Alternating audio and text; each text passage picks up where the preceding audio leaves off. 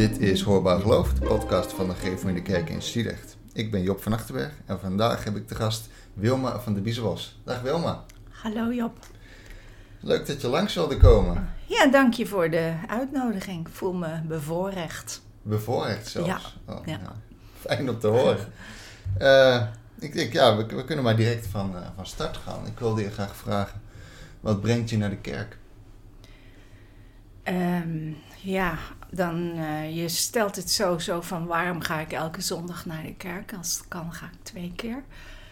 Maar ik, uh, de, ik ben niet zo met de kerk opgegroeid zoals ik nu ga. Zoals ik het nu zelf zie. Ik ben uh, in een katholiek dorp geboren in de Achterhoek. Oh. En we waren in een hele kleine minderheid. En toen ik vijf jaar was, gingen we verhuizen. kwam ik in de Betuwe terecht. In een klein dorp. Wat overwegend katholiek was. Grote katholieke kerk. Uh, voor, groot voor een dorp van misschien 400, 500 inwoners. En er waren misschien vijf families die waren protestant. En de rest was seculier. En daar uh, ben ik opgegroeid. En mijn moeder... Mijn vader en moeder die komen uit een christelijk gezin. Ze hebben ons, ik ben een van zes, alle zes laten dopen. Zijn in de kerk getrouwd. Mm -hmm. Maar doordat mijn moeder jong is overleden, uh, is dat helemaal verwaterd na mijn elfde jaar. Helemaal verwaterd? Hoe, helemaal verwaterd in die zin. Eerst ging ik naar een pleeggezin, daar waren ze seculier. Oh. Dus daar was geen geen, geen tekenen van geloof, laat ik het zo even zeggen. En uh, daarna kwamen we weer terug thuis, na ongeveer een jaar alweer. Dus dat was helemaal niet zo lang. Uh, intussen waren we verhuisd naar Sliedrecht. Dat zat al in de pen toen mijn moeder nog leefde. Want die wilde niet dat wij in zo'n klein dorp bleven waar helemaal geen werk was en geen hogere scholen en zo. Dus ze dacht, we moeten hier toch maar weg. En we zijn, waren daar gekomen om voor mijn opa te zorgen. Die was alleen achtergebleven. En die was inmiddels overleden. Dus toen zouden we uh, ver, gaan verhuizen. Dus toen is mijn moeder overleden. Zijn we hier naar Sliedrecht verhuisd. En mijn vader die uh, vond het wel moeilijk om zes kinderen op te voeden. Na zo'n trauma eigenlijk. En ook nog een fulltime baan te hebben. Ja. Dus wij kwamen. Uh, dat was heel moeilijk. Mijn uh, broer, net boven mij, die kon ook niet thuis blijven. Die kon dat ook helemaal niet aan. En, mijn, uh, en, de, en wij kwamen onder toezicht van de Raad van Kinderbescherming, zo heette dat. Vrij patronaat. Ik zou willen dat het nog bestond. En. Uh, dat, dat is het toezicht van de kinderbescherming met toestemming van de opvoeders of ouders. Dus Ja. mijn vader vond dat goed, dat er iemand uh, advies gaf of eens kwam kijken. En, en het was ook nodig, want mijn vader werkte wel eens s'nachts. Dat vonden ze niet goed eigenlijk. Maar mijn vader die zei, ja, ik heb zes kinderen, ik heb ook geld nodig natuurlijk. Hij werkt in de omgeving hier. Hij werkte bij de Nederlandse spoorwegen aan het lijntje wat er nu nog is, het Lingenlijntje. Oh, oké. Okay. Ja. Ja, dus wij woonden, konden daar in de Betuwe, werkte hij veel in Beest. Ja. En later meer richting uh, Sliedrecht en Dordrecht. Als, als baanwerker, zal ik maar zeggen. Dus, en dat moest ook wel s'nachts gebeuren natuurlijk. Ja. Dus toen... Uh, uh, wij als kinderen hadden daar totaal geen moeite mee. Wij vonden dat helemaal niet erg. Mijn vader probeerde wel om iemand in huis te krijgen, maar dat konden wij als kinderen niet aan. Dus wij waren sterk genoeg met z'n allen om iemand er zo gauw mogelijk weer uit te werken. Oh. Okay. En het was natuurlijk ook een heel, heel nieuwe omgeving. Ja, en wat ik toen al wel heel erg vond, de, de hervormde kerk, die wist dat wij dus in die situatie waren. En die kwam ons wel bezoeken. En dan kwamen ze overdag. En dan zei ik, ja, er is hier geen moeder. En dan zeiden ze, ja, dan komen we s'avonds wel een keer als je vader er is. Maar ik heb ze nooit s'avonds gezien. Dus, hebben, dus daardoor is het, zijn we ook al verder van alles afgeraakt. En ik denk dat mijn vader aan mijn moeder beloofd had dat we wel naar de zonderschool, eh, dat we die af moesten maken. Want ik ben nog wel hier naar de zonderschool gegaan. Mhm. Om, maar ik was al elf, dus dat was een half jaar. Toen kreeg ik mijn eh, bijbeltje, wat ik nu nog heb, als afscheid van de hervormde zonderschool. Want we waren dus hervormd. Toen ik veertien was, begon de zoektocht naar geloof. Toen begon ik te denken van ik, ik mis eigenlijk wel iets. Ik had nog nooit op een eh, christelijke school gezeten. Want in dat dorp was, geen, was wel een katholieke school, maar dat was ondenkbaar. Ik ben opgegroeid in een situatie waarin je als protestant niet eh, met de katholieken eh, in zee gaat. Zo, zoals scholen of zo. Dat, je gaat niet naar dezelfde school. Hoewel mijn moeder stond open voor alle gelovigen, zal ik maar zeggen. Die stond open, die was heel sociaal. En ik mocht van mijn moeder met katholieke vriendinnetjes spelen. Dat was iets bijzonders. Ik heb een keer een katholiek vriendinnetje die kwam spelen. En toen zei ze, weet je waarom ik met jou kom spelen? Ik zeg, ik heb geen idee, zei ik tegen haar. En toen zei ze, dat weet ik nog, omdat jouw moeder zo aardig is. En toen ging ik ineens denken, oh, ik weet nog dat ik zei, oh, maar ze kan ook heel streng zijn hoor, zei ik nog. Zo van, je kent haar natuurlijk maar Ja, half. ja. Maar dat is me wel bijgebleven, dat mijn moeder daar open voor stond. En we hadden een katholiek buurmeisje, dat had een Down-syndroom, die mocht altijd bij ons komen. En dat was ook heel goed voor ons om daarmee te leren omgaan. En ook, mijn moeder probeerde ook wel de, de seculiere mensen te benaderen in het dorp om mee te gaan. Want er was bijvoorbeeld, het was zo klein, er was geen zondagschool. Maar toen, ik weet nog dat toen wij daar kwamen, zei mijn moeder: ik, eh, ik wil wel dat er een zondagschool komt, want ik breng zes kinderen in. Ja, ja, ja. En die is er ook gekomen. En toen mochten ook, kon ik weer de vriend, vriendjes en vriendinnetjes uitnodigen om mee te gaan. En die gingen bijvoorbeeld met kerst altijd mee. Ik had een seculiere vriendin, die is nog mijn vriendin. En die zei, ik weet nooit waar het over gaat in de kerk, maar met kerst weet ik het, zei ze. Want dan gingen we altijd met jullie mee. Mhm. En dan gingen we kerstfeest vieren. En dat was eh, in Renoy. Dat is aan de overkant van de Lingen. En dat was altijd heel spannend, want als het vroor, dan ehm, als het helemaal dicht lag, kon je over de Lingen lopen. Dus dat was al fantastisch. Ja, Als het, het meest spannende was als het twijfelachtig was. dat geloof ik. Ja. Dan moesten we met een taxi werden we dan omgereden. Dan konden we niet meer varen naar de overkant en we konden er nog niet overheen. Dus dat was altijd heel, heel, heel leuk. En eh, dan kregen mijn vriendjes en vriendinnetjes die meegingen, die kregen ook altijd een boekje. Wij kregen altijd een boek als cadeautje op dat feest aan het eind. En hun kregen ook altijd een boekje iets dunner dan dat van, van degene die het hele jaar de zonderschool hadden gevolgd. Maar ze kregen er eh, ook wel een. En eh, dus ik ben daar wel mee, ik heb er wel toch het een en ander van meegekregen. Toen mijn moeder stierf, heb ik het idee gehad dat, eh, dat ik, ik dacht dat het kon niet waar zijn, dat het gebeurd was. Maar ik had het idee dat God zei, maak je geen zorgen over je moeder, want ze is bij mij. En dat vond ik zoiets groots, zoiets. Ik denk, nou, mijn moeder is bij God, bij Jezus. Ja. Dat vond ik echt iets. En ik had geen verdriet op dat moment. Want ik, ik vond dat mooi voor mijn moeder eigenlijk wel.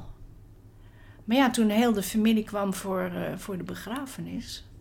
Een grote familie, alle tantes en ooms. En iedereen was in tranen. En ik niet. Toen eh, was het wel zo van... Het is misschien toch wel erg om dood te gaan. Maar ik dacht dan meer aan het proces van doodgaan. En daarom huilen ze allemaal. Want mijn moeder heeft dat ook meegemaakt. Ja. Maar nu hoeven ze niet meer te huilen, want dat slaat nergens op, dacht ik bij mezelf. En ik weet nog dat wij als kinderen, alle, alle zes, tussen de vijf en, en veertien jaar, dat mijn moeder opgebaard lag en eh, dat we mochten gewoon gaan kijken. Dat was natuurlijk ook een heel eng en spannend ja, Ja, dat moment. lijkt me confronterend. maar ik zag mijn moeder liggen en ik dacht, hier ligt Sneeuwwitje. Ja, ja, ja. Gek, hè? Want ze had een heel mooi wit en ze was nog niet oud. Ze was eh 45 jaar. Hmm. Dus ze lag er heel vredig bij en heel ik vond het niet iets om, om over te huilen, bij wijze van spreken. Nee, maar ja, pas, pas later, dat vind ik wel het mooie van God. Dat je niet je, de hele portie in één keer krijgt, maar dat het altijd in, in fases gaat. Pas later ontdek je, dan kom je op school, je hebt iets leuks meegemaakt. En dan kom je thuis en dan, dan, is er niemand om dat te vertellen. En dan, dan ineens mis je je moeder pas natuurlijk. Maar op dat moment waren zoveel dingen die allemaal gebeurden. En we moesten, ja, de, jongeren die moesten allemaal uit huis. En we gingen allemaal naar een andere gezin. Het was een, een boerendorp, dus ja, die eh, hebben dan de verplichting om natuurlijk te helpen. Dat deden ze ook allemaal. Wij gingen allemaal naar verschillende mensen toe. Om opgevangen te worden in Ja, eerste instantie. Ondanks Dat was, was al toen mijn moeder nog in het ziekenhuis lag. Ze lag in het ziekenhuis. Dus ondanks de, ondanks de verschillende opvattingen was dat er wel. Die, die, Ja, dat, dat was absoluut eh, geen enkel probleem. Want het was ook bijvoorbeeld de- vanuit de katholieke vriendinnetjes die je had, bestond er ook geen, was er geen moeilijkheid dat jij als protestants meisje met hen speelde vanuit de katholieke ouders. Eh, ik moet zeggen dat we allemaal wel bij seculieren of bij protestanten terechtgekomen zijn. Oké. Ik kan me niet even in- indenken dat er eentje naar de katholieken gegaan is. Maar misschien omdat we daar al mee speelden en mee op school zaten en zo. Ja, ja. Ik, ik ging naar mijn, eh, naar mijn vriendin. Dat, dat was ook mijn buurmeisje. Ze was 2,5 jaar ouder, maar ze was wel mijn, mijn huisvriendin. Ja. Dus daar kwam ik terecht. En mijn zus kwam, zusje die kwam weer bij haar vriendinnetje terecht. En mijn jongste zusje die kwam terecht in een gezinnetje waar ze drie jongens hadden. En die moeder altijd een dochtertje had willen hebben. En mijn zusje werd aangekleed als een pop. Oh. Dat was echt. En ik weet nog dat de familie zei van. Oh, daar komt je kleine zusje, maar je mag niet zeggen dat ze er leuk uitziet. Want dan wordt ze verwaand. Oké. Hmm. Ja, dat, iedereen kreeg natuurlijk een andere. Ineens in een heel andere setting kom je dan. Ja, ja, ook Ja. een andere tijd denk ik. Ja, en, en bijvoorbeeld in het pleegzin waar ik was, dat was het, eh, mijn, mijn vriendin moest vreselijk hard werken al. Die moest elke dag uit school twee koeien melken. Zo? En op vrijdagmorgen ging zij niet naar de godsdienstles, ik wel. En dan moest ze de moeder helpen. De keuken werd helemaal Ja. uitgeboend en alles. Twaalf jaar oud. Ja. En dat hoefde niet, want mijn moeder had de buurvrouw, die buurvrouw, dus de moeder van mijn vriendin, heb ik een keer horen zeggen tegen mijn moeder: Je moet haar ook eens wat meer laten doen, zal ze niet onder lijden. Toen zei mijn moeder: Nee, dat doe ik niet. Een Hm. kind kan maar heel kort kind zijn. En zij hoefde hier niet mijn werk te doen. Ja, ja, ja. dus toen kwam ik daar. Maar ze hebben me niet aan het werk gezet hoor. Ze hebben me altijd heel netjes behandeld, maar niet als een eigen kind. Want dan had ik het wel moeten doen. En dat voel je dan wel natuurlijk. Hmm.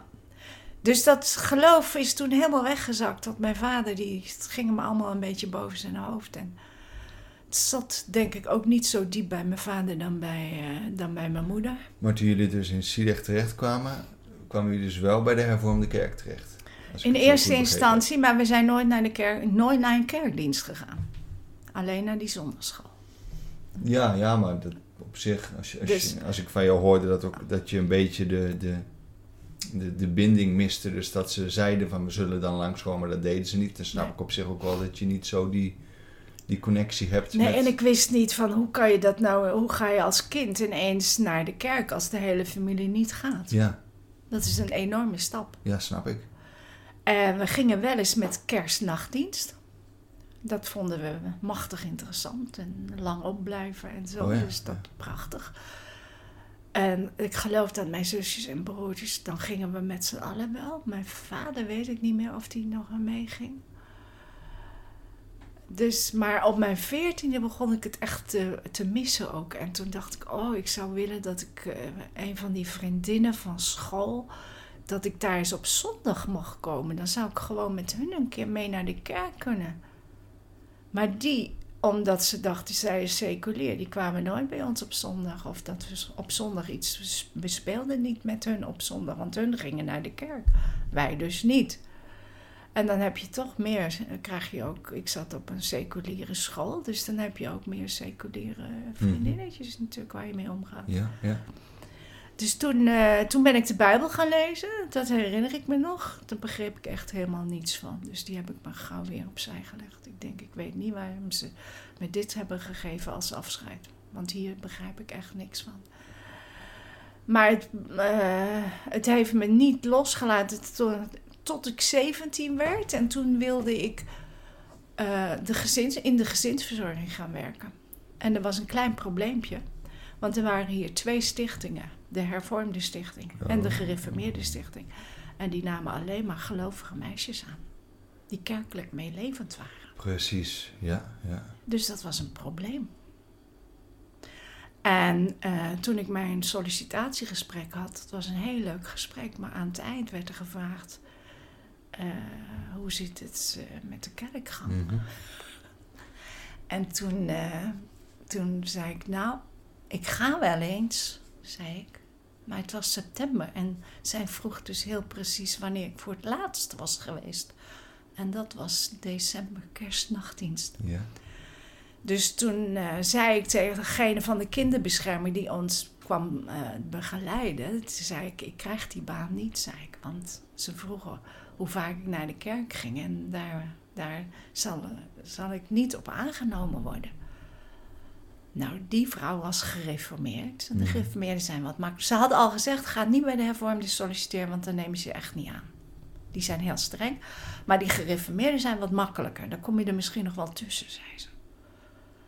Dus toen ik zei van nou, ik kom er waarschijnlijk niet tussen, toen zei ze, oh nee, zegt ze, zo gaat dat niet. Ik, eh, ik ken de voorzitter van het bestuur Oké. en eh, Arie Baars, een welbekende man in Sliedrecht, hij leeft niet meer, maar heel bekend ook binnen de gereformeerde kerk. Ik zal eens een goed woordje doen, want dit is... eh, ze zegt, maar je, je zegt dat je er niks op tegen hebt, dus waarom ga je dan niet dan gewoon een keer met ons mee? Nou, hoppatee. En toen dacht ik, hier zit waarschijnlijk de ingang. Ja. Ik vond het wel heel. eh, eh, ik denk, hoe ga ik thuis zeggen? Ik ga morgen naar de kerk. Want we sliepen altijd uit op zondagochtend, natuurlijk. Maar toen, toen zei ze: Je kan 's ochtends gaan of 's avonds. Ik zei: Oh, dan ga ik 's avonds. Want ik dacht, dat is makkelijker. Iedereen gaat altijd een beetje zijn eigen weg. En dan ben ik ook weg, 's middags. Ja. En dan ben ik naar, ga ik naar de kerk. En toen ben ik voor het eerst meegegaan. Toen konden hun niet, maar toen zei ze: Mijn dochter gaat, dus dan ga je maar met haar mee. Die, zal, die eh, wacht op je daar en daar bij de, bij de hervormde kerk. Wacht ze op je en dan gaan jullie samen naar de gereformeerde kerk. En dat was hier dus de en dat kerk, was hier de kerk. maar en, met banken. Hm? Met banken. Met banken en Ja. ehm, eh, dat vond ik allemaal. Ik vond, dat vond, ik vond niets vreemd, maar ik was er wel 100% zeker van dat iedereen mij aanstaarde.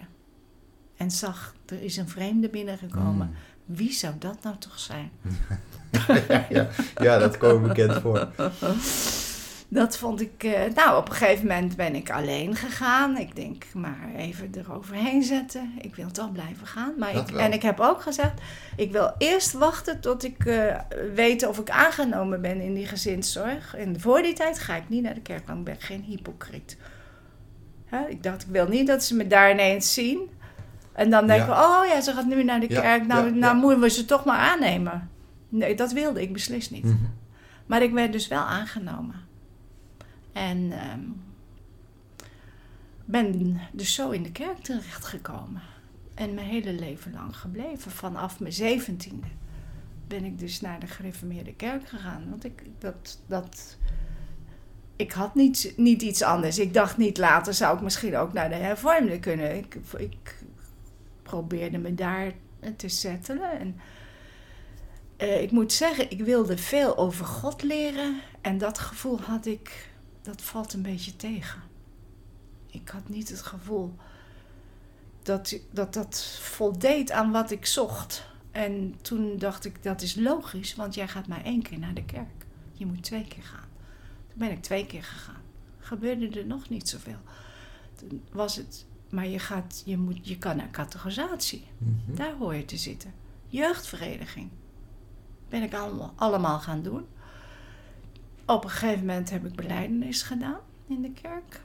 En ik weet zeker dat ik een gelovige was. En ik was meelevend. En, maar nog altijd op zoek, ondanks dat ik dus beleidenis had gedaan. En in die kerk was. Ik dacht, er moet meer zijn dan Maar- dit. Maar ondertussen was je dus wel een heel... eh, Actief lid. Ja, Zeer ja. actief lid. Heel veel mensen kende je, Ja, ja. En ik zat in commissies en ja. maar het knaagde. Maar het knaagde, ja. Ik was toch steeds op zoek nog. En toen ehm, heb ik, ben ik in een tijd opgegroeid dat in Sliedrecht Youth for Christ begon. Waar nou, wanneer was dat? Weet je dat nog?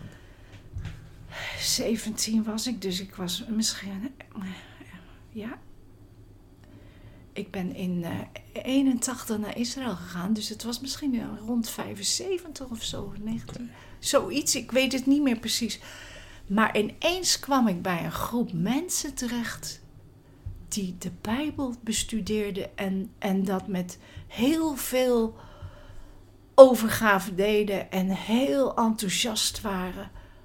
En toen dacht ik, ja, dat wil ik ook. Youth for Christ deed dat? Ja, Dat staat me zo bij als, als wat, wat, nou, wat oneerbiedig en nogal evangelisch. eh, ja, ja. Zo waren we, ik speelde ook in een, een gospelgroepje. En eh, ik weet nog dat we bijvoorbeeld aan, de- aan de Merwede daar, aan de singles stonden Ja. met dat groepje.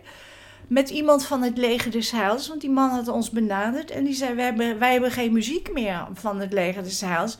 Maar ik wil wel blijven spreken. Willen jullie spelen? Oh, Nou, wij vonden dat geweldig. ja, Dus niet? eh, we waren wel heel, heel, eh, wat zal ik zeggen, we eh, waren echt eh, ja, niet gewend om zo open. Dachten, ja, we gaan daar openlijk staan en alles. En, maar hij zei, ik zal het woord doen. Als jullie, het is de bedoeling dat jullie gaan spelen. En als er een aantal mensen zijn, dan zal ik eh, het woord voeren. En dan, eh, dan sluiten we af met nog een paar liederen van jullie. En dan zou ik het wel fijn vinden om wat te blijven, zodat we zoveel mogelijk mensen die daar staan, daarmee in gesprek kunnen gaan. Maar als je dat moeilijk vindt, dan doe je dat niet. Met dat soort dingen waren we bezig. We speelden in, in cafés, gingen we ook als ze ons uitnodigden. Ja, ja. En wij, wij kosten niks. Dus als die cafés eens een keer geen geld hadden, dan kwamen ze bij ons terecht. En wij waren dan ook wel zo dat we wat, wat meer eh, levendige nummers lieten horen.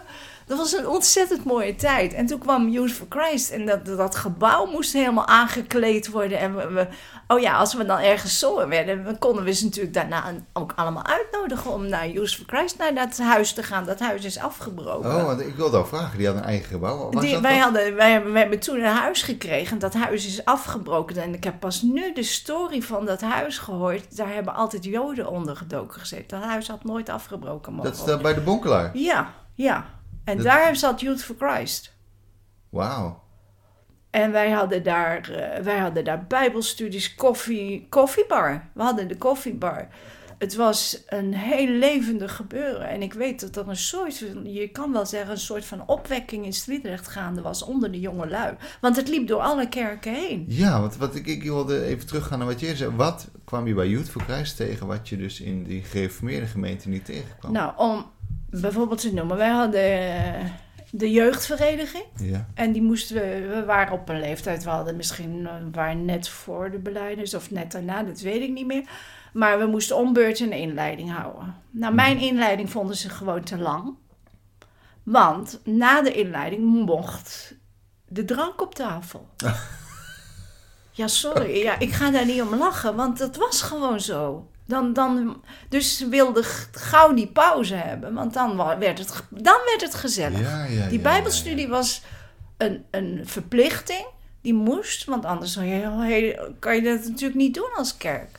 ja. Maar daarna was het gewoon gezellig. En iedereen, iedereen genoot daarvan. Maar ik dacht, ik ben hier niet gekomen alleen voor die gezelligheid. En bij Youth for Christ was het eerst de Bijbel.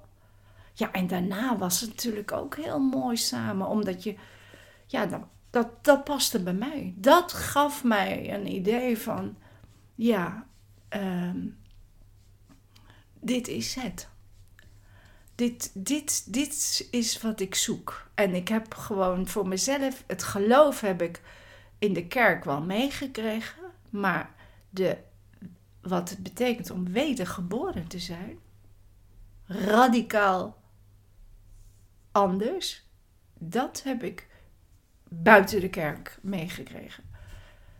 En door Youth for Christ. En door, zelfs door dat leger des heils, bij wijze van spreken. Want dat, dat sprak mij ook wel aan. Ik denk, ja, we moeten, we moeten het uitdragen. En ook door, eh, eh, door later ging ik dus naar Israël. Door Near East Ministry, de, de organisatie waar ik mee gegaan ben. Dat was ook een voornamelijk evangelische organisatie waar ook mensen van de kerk welkom waren, maar het overgrote deel wat uitgezonden werd, dat waren toch meer de, de Pinkstermensen, de Baptisten, de, de Evangelische en, en hier en daar een kerkelijk lid. Ik weet nog dat ik daar aan de eerste maaltijd bij de voorbereiding, voordat we naar Israël gingen, uh, had je als groep, werd je, moest je intern vier maanden een voorbereidende cursus doen werken in het Midden-Oosten. Mm. En ik weet nog dat we zaten te eten, een broodmaaltijd s'avonds. En dat ze zeiden, Wilma, van welke gemeente ben jij? En toen zei ik, ik kom uit de gereformeerde kerk. En toen viel er een uh, lange stilte aan tafel. En ik zag ze denken, oh, dan zou jij nog wel veel te leren hebben. Omdat, ja, het is toch, de gereformeerde kerk is, is toch beperkt. Ik bedoel, het is één één, één, één kerk die het op een bepaalde Ja, manier ja. doet. En zodra je daar overheen gaat kijken, dan denk je van... Ja, maar er is, er is kinderdoop, maar er is ook volwassen doop. Wat houdt dat dan in? Ja, ja. Er is heilige geest, maar mag die ook a- nadrukkelijk aanwezig zijn in de dienst, hè? Mhm. Dus al die dingen kwam ik mee in Dus die- De aanraking. charismatische beweging. Ge- alles. Ja, ja. Ja. Nou, en toen kwam ik in Israël. Daar heb je niet eh, gereformeerd, hervormd of wat dan ook. Dat is een jonge gemeente, want die is natuurlijk pas gaan groeien nadat de staat Israël is ontstaan. En da- die- daar, zijn ze, daar is, gaat het ook heel anders aan toe dan hier. Dus ik heb ongelooflijk veel meegekregen door, alle, door de hele tijd. Van alle kanten. Ik moet zeggen dat ik altijd dankbaar ben dat ik denk van nou God heeft altijd mensen op mijn pad gebracht die mij weer een stukje verder konden laten groeien in geloof. Ja, mooi hè? Ja. Ja.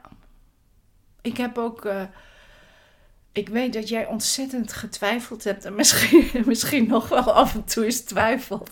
Maar ik heb dus nooit in mijn leven ooit getwijfeld aan het bestaan van God. Dat kan ik niet, want hij heeft zoveel laten zien.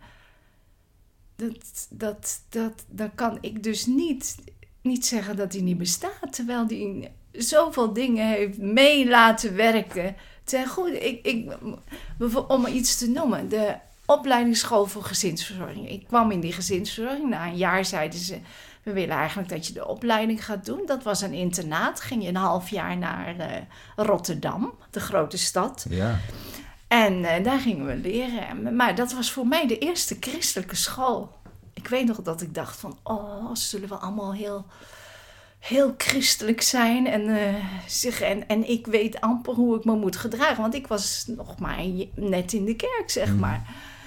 En ik weet, wel, we kregen geestelijke stromingen. Een pracht. Ik, ik, eh, eh, we moesten alle godsdiensten leren, want als gezinsverzorgster kun je overal terechtkomen. Dus je moet natuurlijk weten als je in een gezin met Jehovah's getuigen komt en je hebt de geboortedatum van alle mensen, die krijg je meestal. Dan kan je natuurlijk niet een verjaardag uitgebreid gaan vieren, want dat doen ze daar niet. Mm. Dus we kregen geestelijke stromingen ook over het Jodendom voor het eerst en zo. Hoe je je aan kan passen als je in zo'n gezin komt. Maar we hadden dus geestelijke stromingen en we hadden geestelijke vorming. Dat ging van hoe ben je als christen en ja, hoe ga je daarmee om en hoe leef je. En, en voor mij waren dat twee nieuwe vakken. En eh, ik weet nog dat eh, van, bij het christendom moesten we ook een aantal dingen gewoon echt uit het hoofd leren. Het Onze Vader en ook de geloofsbelijdenis. Kun jij je voorstellen dat je die even uit je hoofd moet leren? Ja, die moest ik uit. Maar ik was de enige die hem foutloos opgeschreven had. Omdat ik hem, ik moest gaan zitten en gaan leren. Mhm. Ehm, om, om, om, eh, terwijl die anderen die dachten, ja, we zingen de Melke Zondag, dus die ken ik wel. En toen ze hem op moesten schrijven, toen faalden ze.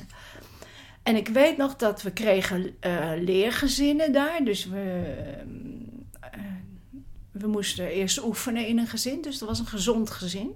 Er was een moeder en kinderen enzovoort. En daar mocht je dan dingen gaan leren van koken en je huishoudelijk werk indelen. En uitgerekend mij zetten ze in een domineesgezin. Want ja, ze wilden wel eens kijken die iemand die zonder christelijke achtergrond, Mhm. of die zich wel eens aan kon passen Ja. daarin natuurlijk. Maar die vrouw, die zag mijn honger. En daar kon ik geweldig mee praten over het geloof. Dus die, die heeft mij. eh, en ook andere.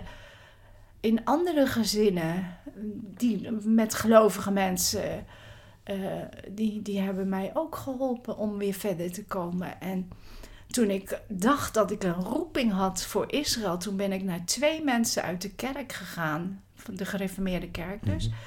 Eén waarvan ik wist dat ze vroeger Joodse onderduikers hadden gehad. Ik denk die. eh, En die het overleefd had, die is in Israël gaan wonen. Dus hun hadden connectie veel met Israël ook. Dus ik denk, ik ga eens praten met hun. En ook iemand die bij, in de gereformeerde kerk in contact was gekomen met Near East Ministry. Want die verzorgen ook, dat noemen ze revijweken.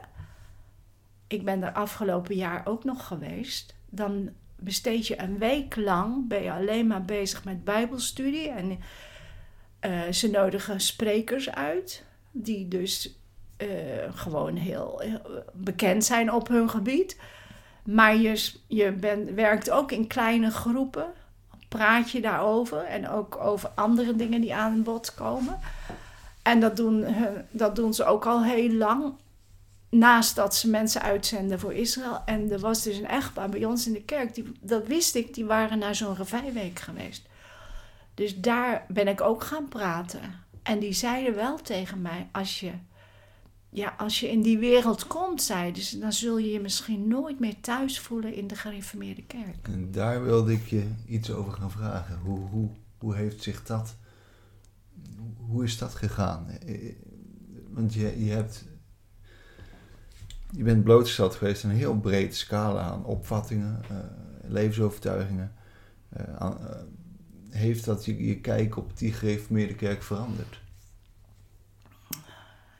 Ehm, ja, Je bent blijven gaan, laat ik dat voorop stellen. Nou, toen ik terugkwam uit Israël, toen ben ik wel naar verschillende kerken in Sliedrecht gegaan. Omdat ik, omdat ze, ik was niet Nee. uitgezonden door de gereformeerde kerk. Dus ik voelde geen verplichting om terug te gaan naar de gereformeerde kerk. Maar daar stond dan wel weer tegenover dat naar welke kerk ik ook zou gaan in Sliedrecht, het zou altijd heel vreemd zijn. Dus ik zou me altijd heel erg moeten aanpassen. En ehm, ja, dat, ik ben hier en daar ook gaan kijken, gewoon een paar diensten bijgewoond en zo.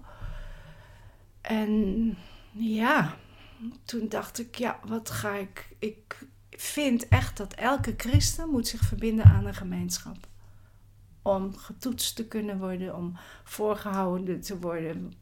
Welke richting gaan we uit? En, nou ja, je kent dat wel. Je, je kan niet, je kan niet eh, zonder kerk, ik, zonder gemeenschap, Ja. laat ik het zo zeggen. Mhm. Je hebt de anderen nodig die jou zeggen van, nou, zou je dat niet eens iets anders doen? Of, of, eh, en ik heb de gereformeerde kerk dus ook nodig. Ja, waarom? Om ten eerste om nooit hoogmoedig te zijn en, en, en te zeggen van ja, ik heb veel gezien, maar jullie niet. En jullie missen zoveel. En, en ik heb ook wel geleerd door al die tijd, je kiest een kerk niet alleen maar op grond van wat het bij jou zal geven. Hè? Waar, waar voel ik me nou fijn en waar kom ik aan mijn trekken? Maar je kan ook wel eens in een kerk eh, gaan zitten waar je zegt van, nou, bijvoorbeeld, ik dacht er is zo weinig gebed hè, in de gereformeerde kerk. Dat is er gewoon niet. Maar ik dacht, ja, ik kan altijd naar een andere gebedsgroep gaan. Dat heb ik ook gedaan. In Sliedrecht was er een gebedsgroep die bijvoorbeeld eh, heel specifiek voor Israël bad. Dat is nu door de corona, ligt dat al, ik weet niet hoe lang stil. Ik weet niet of het ooit weer opgepakt wordt. En daar ging ik dan naartoe om te bidden.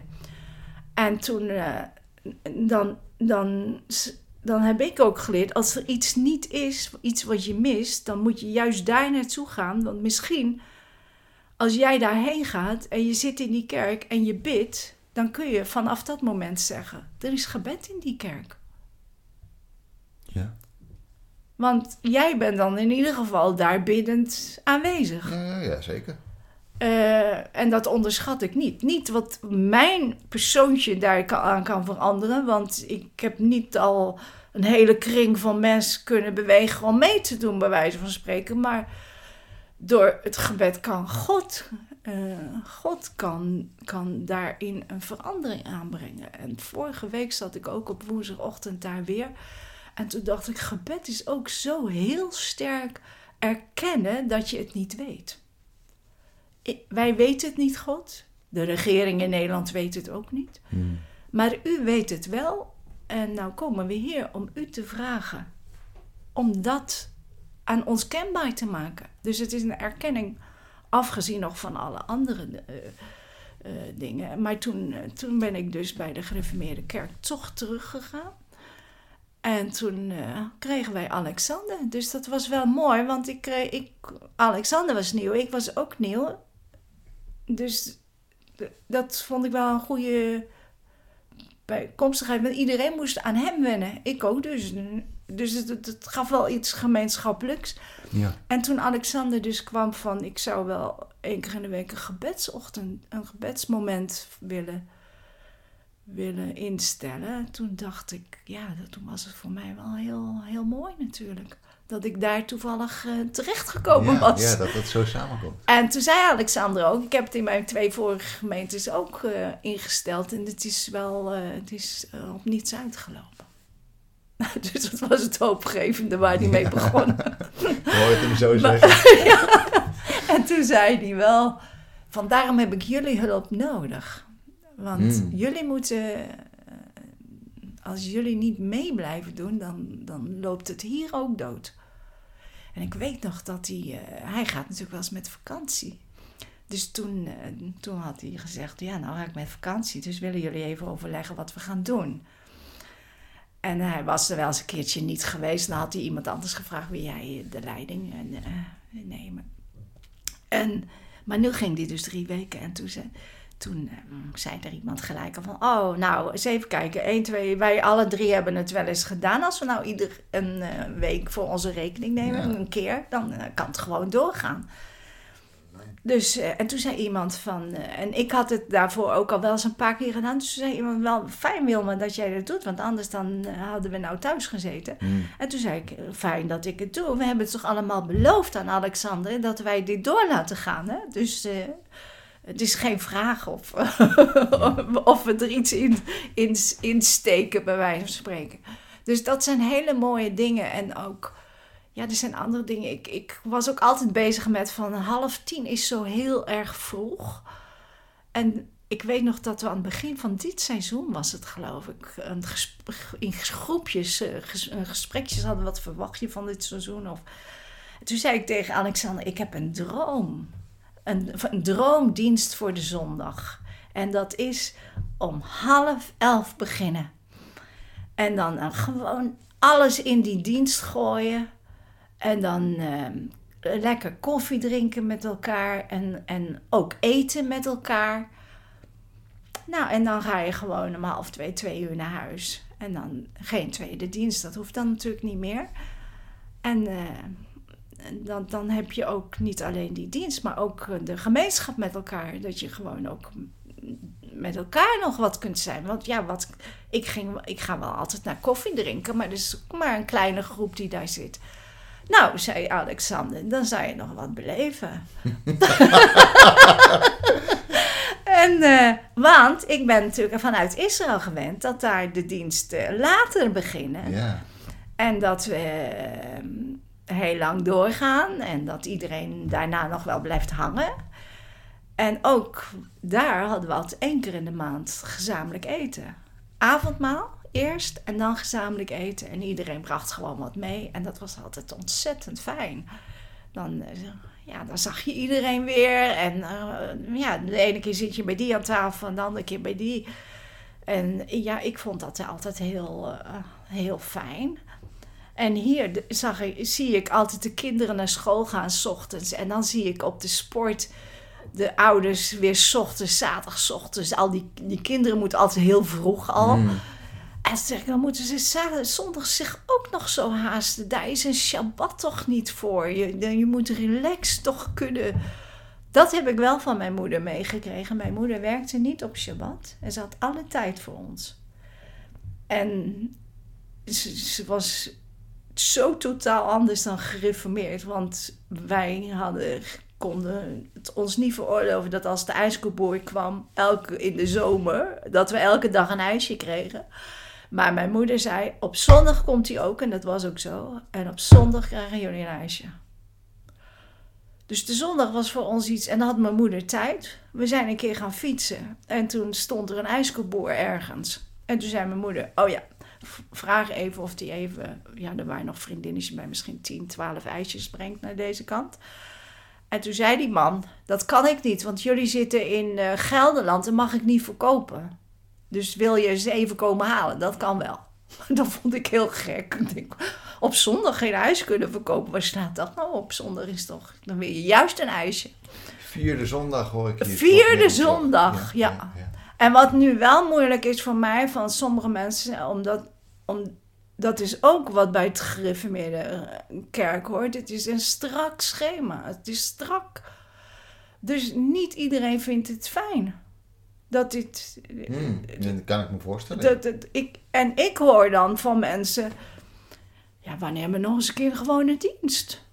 Of, eh, hè, eh, Drie keer in de maand. en, en ik weet nog dat de, kerk uitgeleend werd voor een groep jongeren. Ik weet niet of je dat nog weet. Op, op een middag was het dan. En toen is dat eens een keer uitgelopen.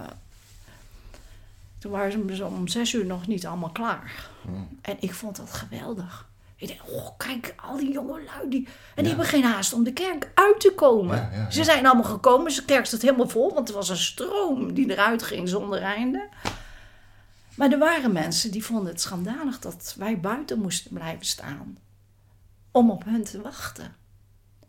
En ja, dat heb ik dus helemaal niet. Doordat ik van alles heb meegemaakt. Want Ja. die, die kerk van mij in, in eh, Jeruzalem, die moest officieel om kwart over tien beginnen. Maar ik heb wel eens een keer om twintig voor elf gezegd van nu kunnen ze nou wel van mij een keer beginnen.